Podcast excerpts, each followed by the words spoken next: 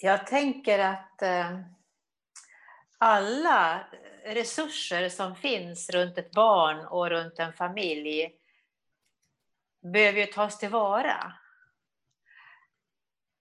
Och jag, jag, jag tror att eh, på en direkt fråga till, till Ninas mamma och pappa så tänker jag att jag och även min man hade kunnat vara med på fler möten än vad vi har varit. Så. Mm.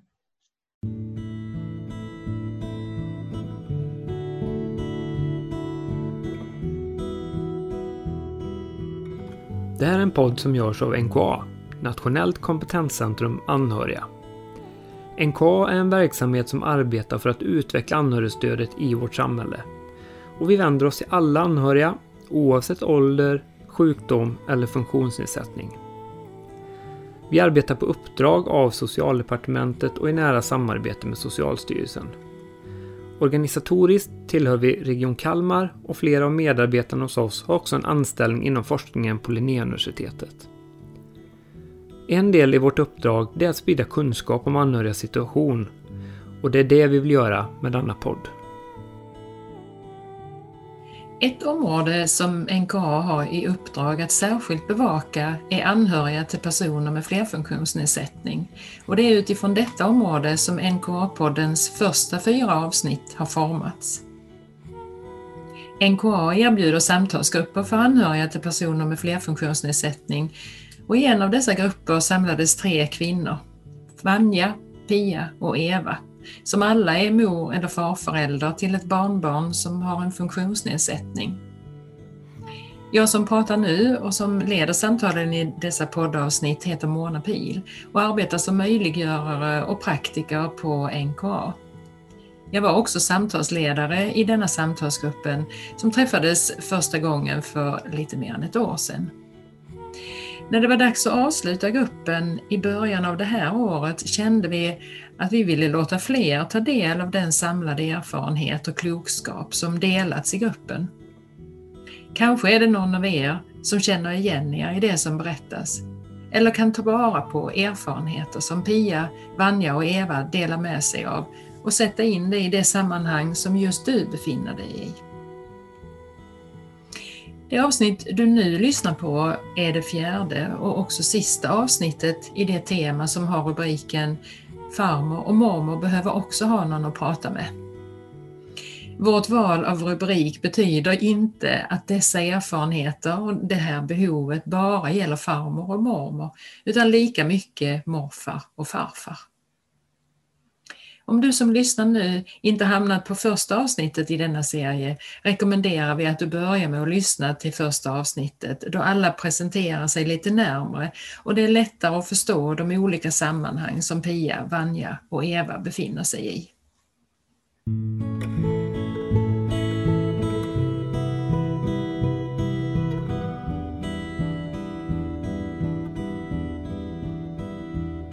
Jag heter Pia och jag är farmor till Nina.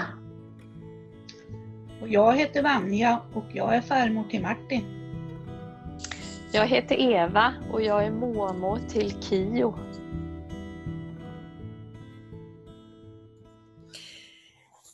Ja, då ses vi igen för ett nytt samtal. Eh, idag kommer det bli lite av en summering av våra samtal sedan tidigare och ni kommer att skicka små hälsningar till både andra far och morföräldrar, eh, till barn eller föräldrar till barn med funktionsnedsättning eh, och till professionella. Eh, ni har också velat ta upp frågor om bemötande i olika situationer och sammanhang och det kommer att vara ett tema som vävs in i era hälsningar. Jag tänker att det skulle kunna vara en bra början att prata om mötet med de professionella. Så ni kan väl berätta om möten som har påverkat er eh, med de professionella inom vård och omsorg. Och både de som har varit positiva och de som har känts lite svårare.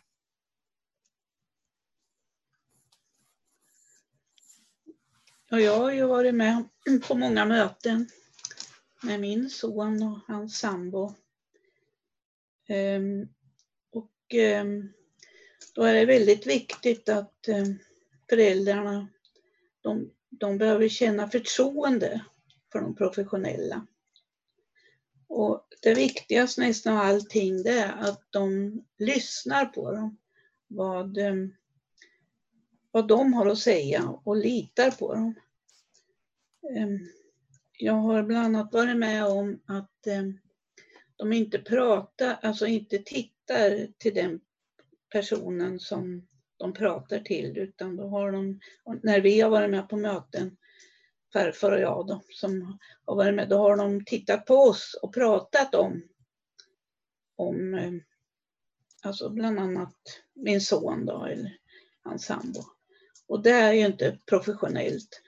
Och det har vi påpekat vid några tillfällen att eh, eh, vänd er till fråga den du pratar Och då har de tagit till sig att och bett om ursäkt att så, det var ju inte meningen.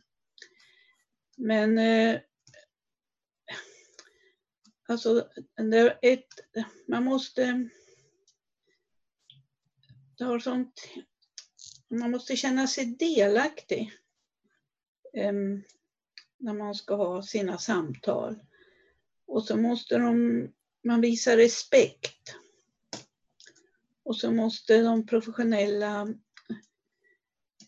ja, visa att, att, de, Eh, att det går att lita på dem och att, att de bryr sig. Och ge information som, som kunnig och att de har kompetens. Och sen måste de vara lojala mot familjen.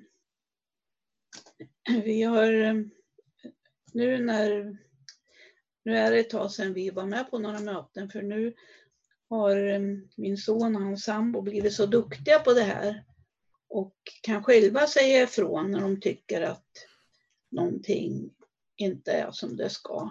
Och då, så det har blivit, de känner sig att de har vuxit där och eh, det då har jag förstått också att de lyssnar på dem mera. Så det här är ju mycket, man får lära sig också. Eh, jag har varit med på några perspektivmöten där vi har fått träffat eh, ja, vården och, och handläggare och, som har varit med på de här mötena.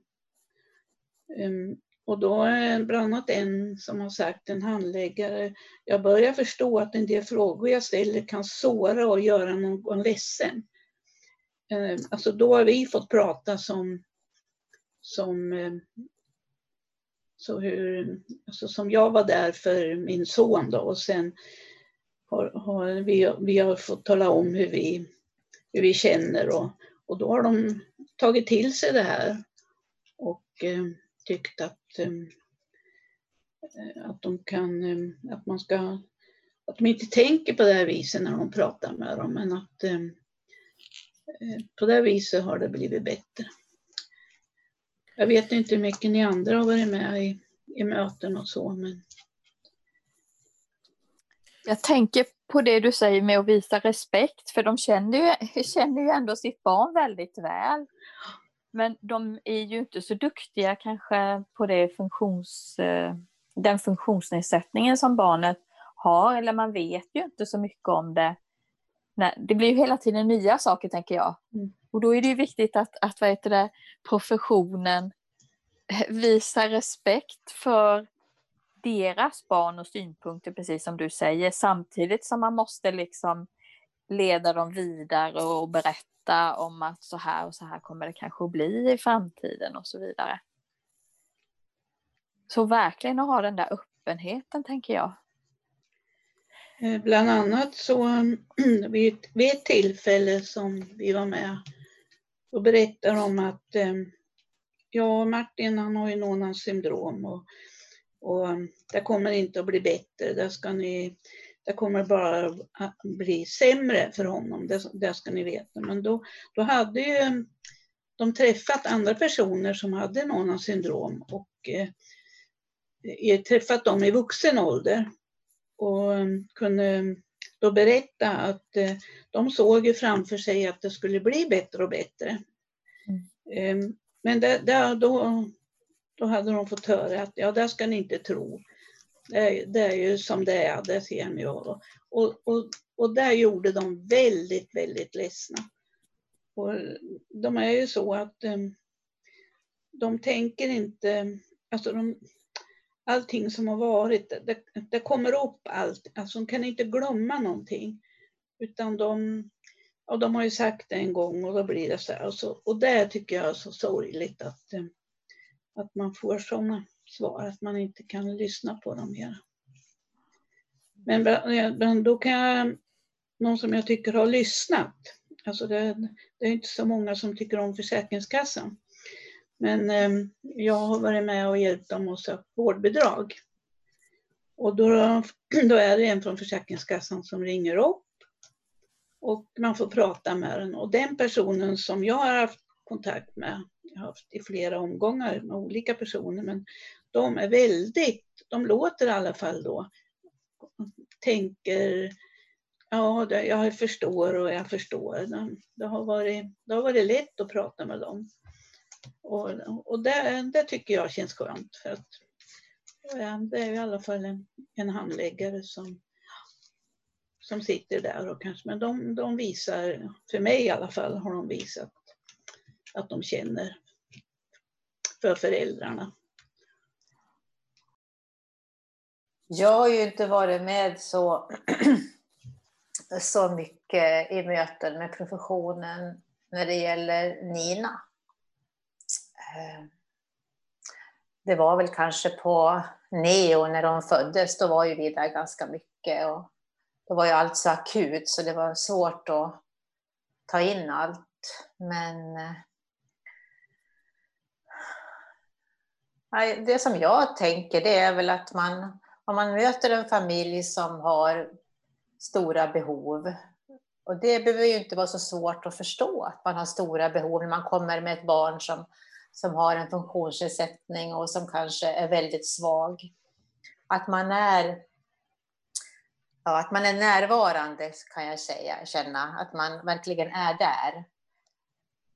Och, och kanske ännu mer när man möts i ett samtal efter att titta på prover eller någonting sånt där. Att man, ja, det är någonting av det som du säger Vanja, att man ska visa respekt. Att man tänker att det här är en ny familj, ett nytt mm. barn. Vad är specifikt för det här barnet? Jag kan inte generalisera och tänka att alla barn med den här symptomen, de är det så här för. Eh, men de här bilderna har jag fått genom Ninas mamma och pappa. Och det är väl deras känsla som de har.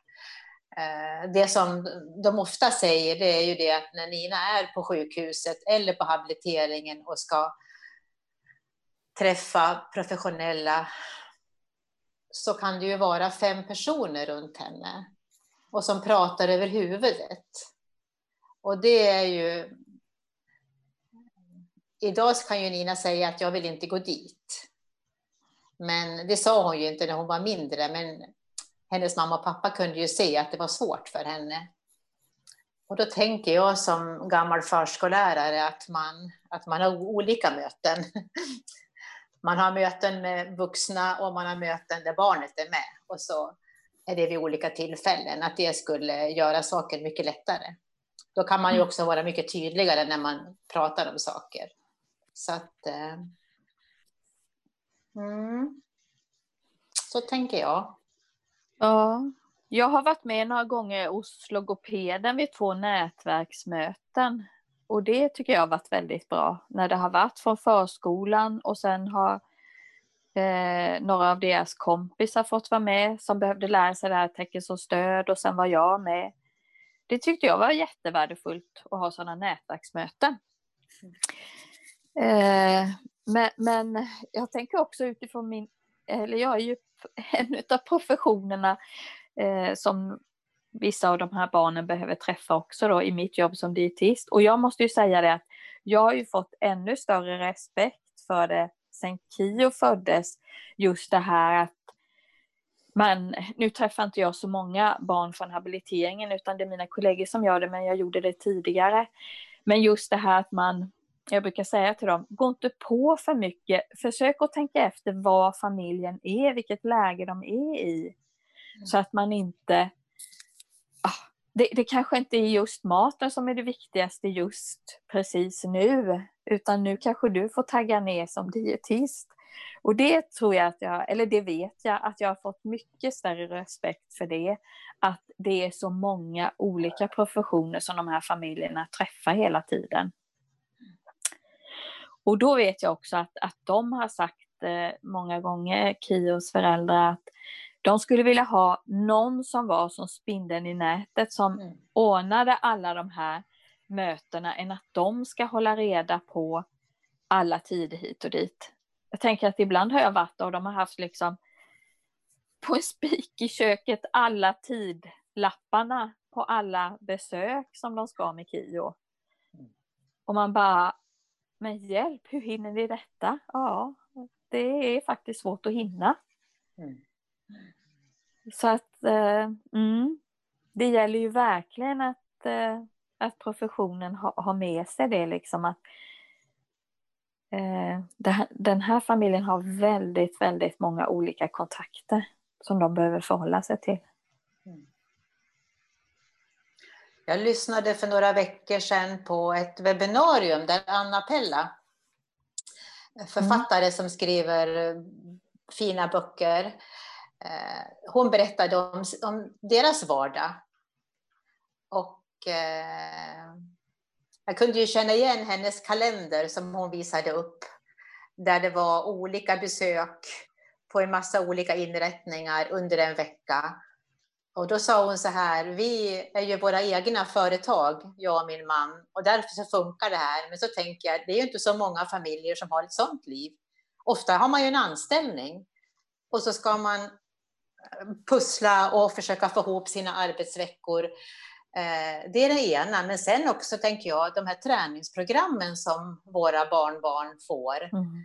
Jag tänker ibland, nej det kan inte gå ihop man kan inte, det är bara att säga nej, men nu får ni ge er, känner jag att man skulle kunna säga. För man kan inte träna hela, hela dagen. Man måste få göra roliga saker också när man är, när man är barn. Så det är som du säger Eva, att det, om alla professioner vill ha ut sitt mesta, då kommer mm. det kommer aldrig att gå. Så någon sorts eh, spindel i nätet skulle väl verkligen ingå.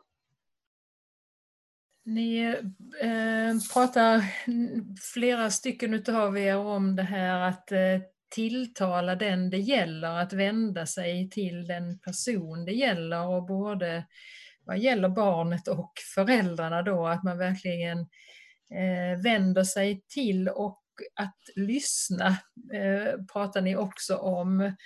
Eh, det här med att vara någon spindel i nätet tänker jag också mycket handlar om att eh, de professionella behöver lyssna in för att få en känsla för eller för att få en kunskap om hur ser, hur ser vardagen ut. För att jag sen som dietist eller sjuksköterska eller fysioterapeut eller läkare ska kunna se hur, vad är det som jag tänker och rekommenderar, hur, hur tror jag att det här kan passa in och prioriteras eh, just nu? Och ha det samtalet liksom. Och då krävs det ju ett lyssnande och ett intresse.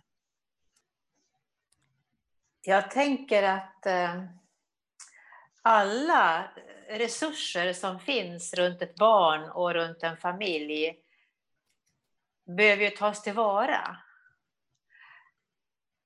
Och jag, jag, jag tror att eh, på en direkt fråga till, till Ninas mamma och pappa så tänker jag att jag och även min man hade kunnat vara med på fler möten än vad vi har varit. Så. Det är jag ganska säker på. Och då har det ju också kunnat bli ett samtal, tänker jag, vi har kunnat bidra med våra olika reflektioner runt ett sådant möte och då blir det ju bättre.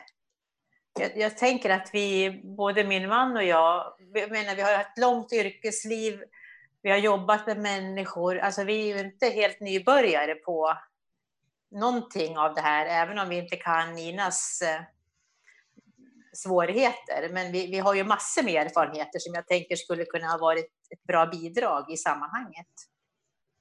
Så eh, det är helt klart att, att föräldrarna ska säga ja, det är okej, okay, men att den frågan till dem, kan, har ni någon anhörig som ni vill ska vara med på de här mötena, att den skulle vara ganska naturlig. Jag tänker på det, det nätverksmöte som jag var med då med logopeden, där vi fick träna oss på eh, tecken som stöd. Men då var det faktiskt också så att, att man delade ut lite uppgifter till oss andra som var, eller er runt KIO också då. Ja, men vem kan tänka sig att göra en bok med olika foton? Och så får alla ni som är här, som är runt KIO, skicka era bilder till den personen så gör den en fotobok och sen så var det någon annan sån här, någon enklare podd där i början där man skulle trycka och, och det, ja, det ordet sades och så skulle man spela in eh, sådana saker. Och då blev ju alla väldigt, eh, ja, men man mm. blev ju med och, och ja. Så, så det, det tänker jag fler sådana möten då där man liksom kan, ja men du kanske skulle kunna träna det här med KIO eller ja det här kan bli din uppgift och uppmuntra och påminna om det här mm. till exempel. Ja. Eh, att du Vanja sa att din son och, och hans sambo, har, att det går bättre, att de känner att de, att de blir lyssnade på på ett annat sätt nu. Mm. Eh, vad, vad, tror du att det är? Vad, vad, vad, tror du att det är som har gjort skillnad? Eh, ja, de har blivit... Eh, alltså, de har lärt sig mera nu och tala om vad de, vad, vad de vill ha för hjälp, tror jag. Martin är lite större nu. När han var liten då, då var han ju så väldigt sjuk och kräktes så väldigt mycket. Då hade de jämt göra med och sköta om honom. Så de här bitarna, det, alla fick ta, alla ta, tala om för dem hur de skulle göra. Och nu gör ni så här och nu gör ni så här. Det, men nu har de lärt sig att eh, vi kan också säga vad, hur vi tycker och hur vi ska ha det. Och det här med lyssna, det är väldigt, väldigt viktigt. Ehm, jag har ett litet ehm, jag, jag, kan läsa för er, för jag har en om en anonym, som vi, det här fick vi på ett perspektivmöte. Um, när jag ber dig lyssna på mig och du börjar ge mig råd, så har du inte gjort det för jag bad dig om. När jag ber dig lyssna på mig och du börjar berätta för mig varför jag inte borde känna så, så trampar du mig på känslor.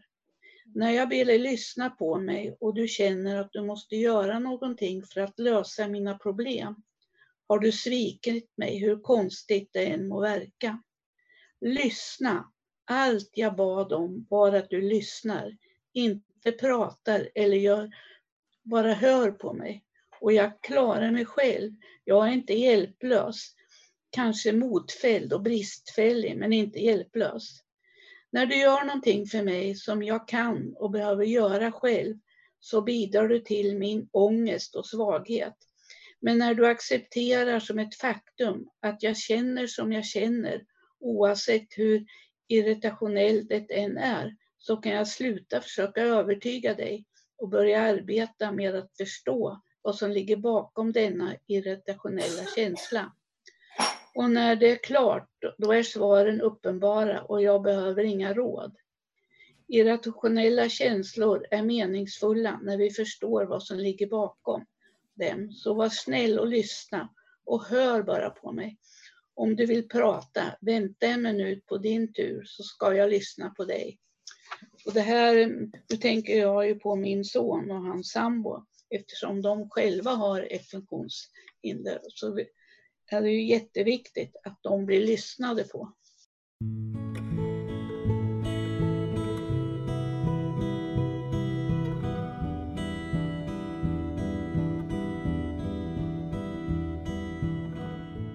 Det var ju hälsningar som ni, som vi, ni ville ge till de professionella.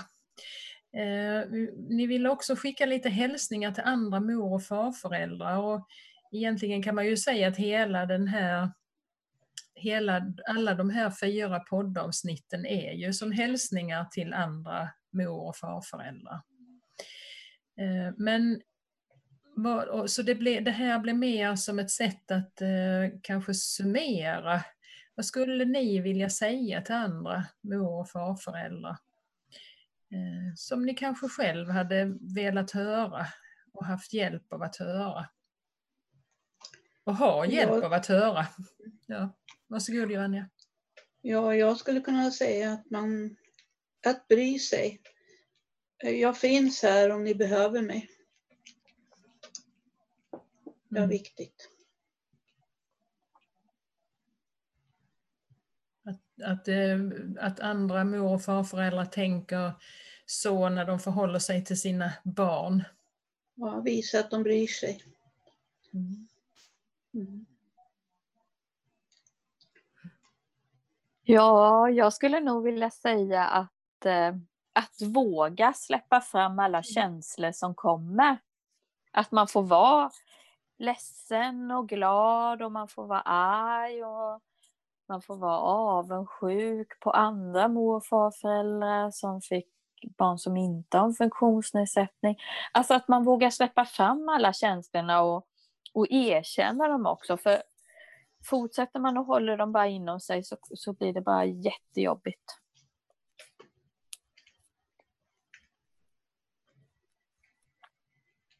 Det känner jag att jag skulle haft jättestor hjälp av. Men eh, de orden att eh, den sorg som jag kände eller den, de tårarna som kom, att det var okej. Okay. Och det tog några år innan jag mötte en kurator som, som sa det till mig. Att det är väl självklart att en farmor är ledsen både för sin son och för sitt barnbarn och för det som inte blev. Det var väldigt värdefullt för mig. Mm. Sen tänker jag också det som du säger Vanja, att jag finns här, jag, jag bryr mig och jag finns här, att det är är också ett viktigt budskap. Um, och det kanske jag aldrig sa, eller vi aldrig sa, men vi visade det tydligt att vi, vi, vi, vi släppte allt um, när vi fick en, en fråga eller ett behov. Så. Mm. Sen tänker jag att som det är så lätt eh, när man står vid sidan om en familj som, som kämpar att dels är det lätt att börja tänka på vad som kommer att hända sen. Och det var också en process för mig, känner jag, att jag, jag är mycket mer i nuet idag än vad jag var förut. Att eh, man vet ju aldrig vad livet ger för någon av oss, men att ta vara på den dagen som är idag eller imorgon, det är det som är det absolut viktigaste.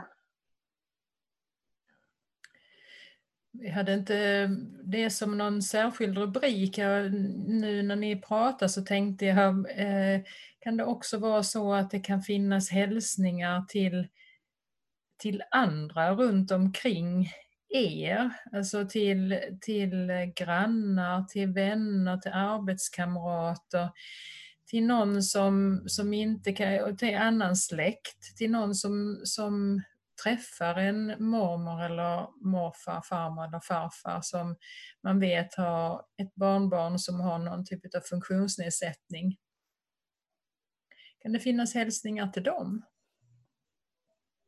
Ja, jag, jag hade nog känt att det varit skönt om fler hade frågat och varit intresserade. Eller de kanske var intresserade, men de kanske var lite rädda för hur jag skulle reagera också. Jag hade väl velat att folk inte hade varit så rädda utan att jag hade fått prata mer om Kio och om min känsla. Så det tänker jag också att, att man kan skicka med till andra att, att eh, våga fråga. Sen tänker jag, sen är det väl som med allt att, att ofta behöver man ju inga, inga eh, råd sådär, utan precis som du läste förut Vanja, att man vill bli lyssnad till bara, att man, mm. man behöver bara få prata om det.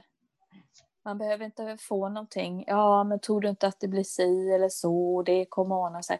Alltså det är inte det man har behov av att höra riktigt, utan man har egentligen bara behov av att få prata om det. Mm. Det som jag tänker eh, eh, Nina har ju blivit stora syster för två och ett halvt år sedan. Eh, till en liten kille. Och eh, det som jag någonstans har i bakhuvudet eh, hela tiden, det är det där att, att det är självklart att han påverkas av att hans stora syster har stora behov.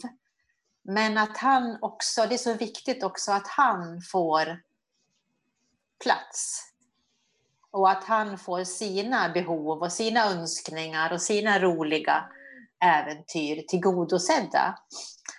Och eh, nu är han ju så liten fortfarande så det går inte att hindra honom. men, men även när han blir större tänker jag att, att det är en viktig balans som jag nog kommer att försöka. Jag tänker att, att eh, Nina och Berners föräldrar också vill det. Det känns ju jättestarkt att han är en egen person. Liksom så. Men att vi får vara uppmärksamma. Eh, det har blivit lite så här för mig nu när jag är tillsammans med dem igen efter ganska långt uppehåll. Att jag är lite så här eh, rättvis eh, person så att om jag har lekt mycket med Berno den ena gången jag är där, då, då är jag gärna med Nina mycket nästa gång. Eh, liksom hitta någon sorts balans på något vis.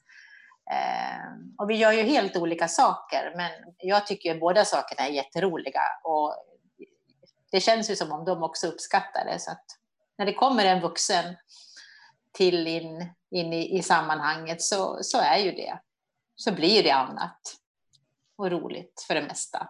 Mm. Men just det att, att syskon också behöver få ha sitt utrymme och att man verkligen ser dem. Det pratas ju ganska mycket om det också, tänker jag, så att det, mm. det är kanske enklare att, att, att se det idag än vad det var tidigare. Jag tror att jag tänkte mer innan vi började träffas så här, att det var, att det var väldigt olika mellan Kio och ja, Kios stora syster och barnbarnen. Men jag tror att jag har på något sätt på vägen här lärt mig att ja, men jag, kommer kunna göra, jag kommer kunna göra olika saker med dem allihopa, för de är ju inte lika de andra kusinerna heller. Men tidigare så tänkte jag nog med att, jaha, vad, vad är det jag inte kommer kunna göra med Kio? Men nu tänker jag nog lite mer sådär, ja men det kommer jag kunna göra med Kio. Ja, varför skulle jag inte kunna göra det med Telma? Och, och ja, att jag tänker lite mer positivt än vad jag gjorde innan vi började träffas. Mm. För då var jag nog mer orolig och ja, tänkte mycket på vad det inte, vad han inte skulle kunna göra. Men jag tänker nog mer på att han kommer ju ha sina förutsättningar att göra väldigt mycket också. Fast det kommer bli på ett annorlunda sätt. De här poddavsnitten, farmor och mormor behöver också ha någon att prata med. Har, I de poddavsnitten har ni, Pia och Eva och Vanja, berättat om ert eh, mormor och farmorskap. Och i det så finns ju relationen Eh, till era barn, till era barns partner och till era barnbarn. Om vi skulle avsluta med att eh, tänka vad, vad skulle ni utifrån era tankar vilja sammanfatta och hälsa till, till, till era vuxna barn eller till andra föräldrar som har barn med funktionsnedsättning och som också har en mormor eller en farmor eller en svärmor eller en svärfar? I min relation till er, om jag nu riktar mig till Ninas mamma och pappa, så har jag känt att jag har funnits där för er när ni har behövt. Och det har varit ganska enkelt. Men eh, sen ändras ju livet. Och eh, vår relation har blivit annorlunda. Och det jag vill säga till er det är att jag, jag och, och Guldfarfar, vi finns här. Och vi önskar att ni är tydliga om vad ni vill och vad ni inte vill. Så kommer vi också att säga ja, det är helt okej. Okay. Eller nej, tyvärr, det funkar inte nu. Och så hoppas jag att vi får att vi kan finnas där för varann. För vi behöver också er jättemycket.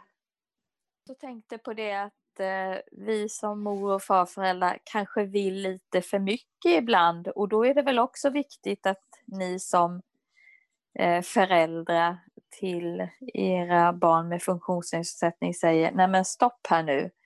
För, för, och den känslan är lätt att få för oss som mor och farföräldrar tänker jag. Fast vi vill så gärna ta över eh, sorgen som ni som föräldrar har. Eller liksom vi vill, ja vi vill hjälpa er. Man kan känna så mycket i sitt hjärta. Så att man ibland blir för mycket. Då får ni säga stopp det man kan, om man ska önska något så, så skulle jag vilja önska att eh, vi har förtroende för varandra. och tänker att vi vill samma sak men vi kanske uttrycker oss på olika sätt och vi, vi ser kanske olika, olika på saker men, men att vi har ett gott syfte, att vi, vi vill väl vi som finns runt, runt familjen. Och att det, det, kanske är bättre att sätta ord på det man tänker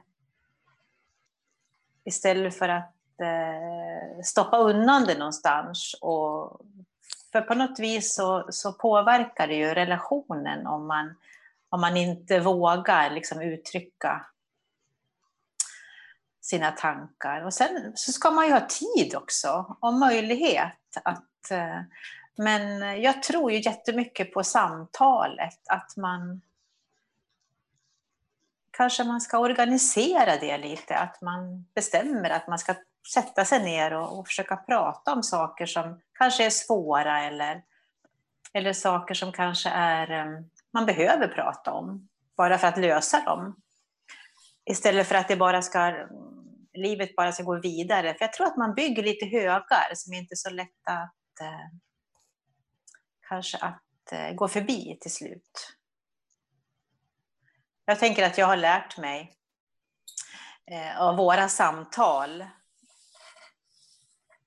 just det där att mer vad min, vad min roll är. Att, att, ja, att jag är på sidan. Och att jag ska vara det också. Så att det senaste halvåret med den tid som vi har varit i har jag verkligen fått lära mig det också, träna på det. Att inte vara så nära. Så då tänker jag att det är början på något nytt.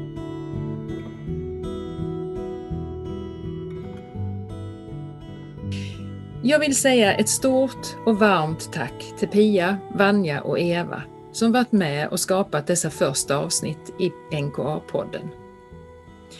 Podden har spelats in med hjälp av producent Paul Svensson och musiken i podden är skriven och framförd av Eva Lindsjö Lindell. Detta var det sista avsnittet om far och morföräldrar.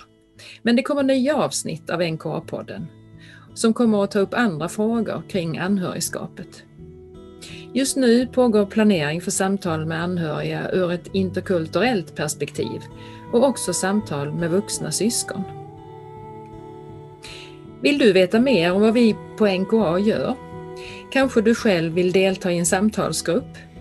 Gå in och titta på vår webbsida www.anhoriga.se Känner du någon som du tror skulle uppskatta att lyssna på denna podd? Så tipsa gärna.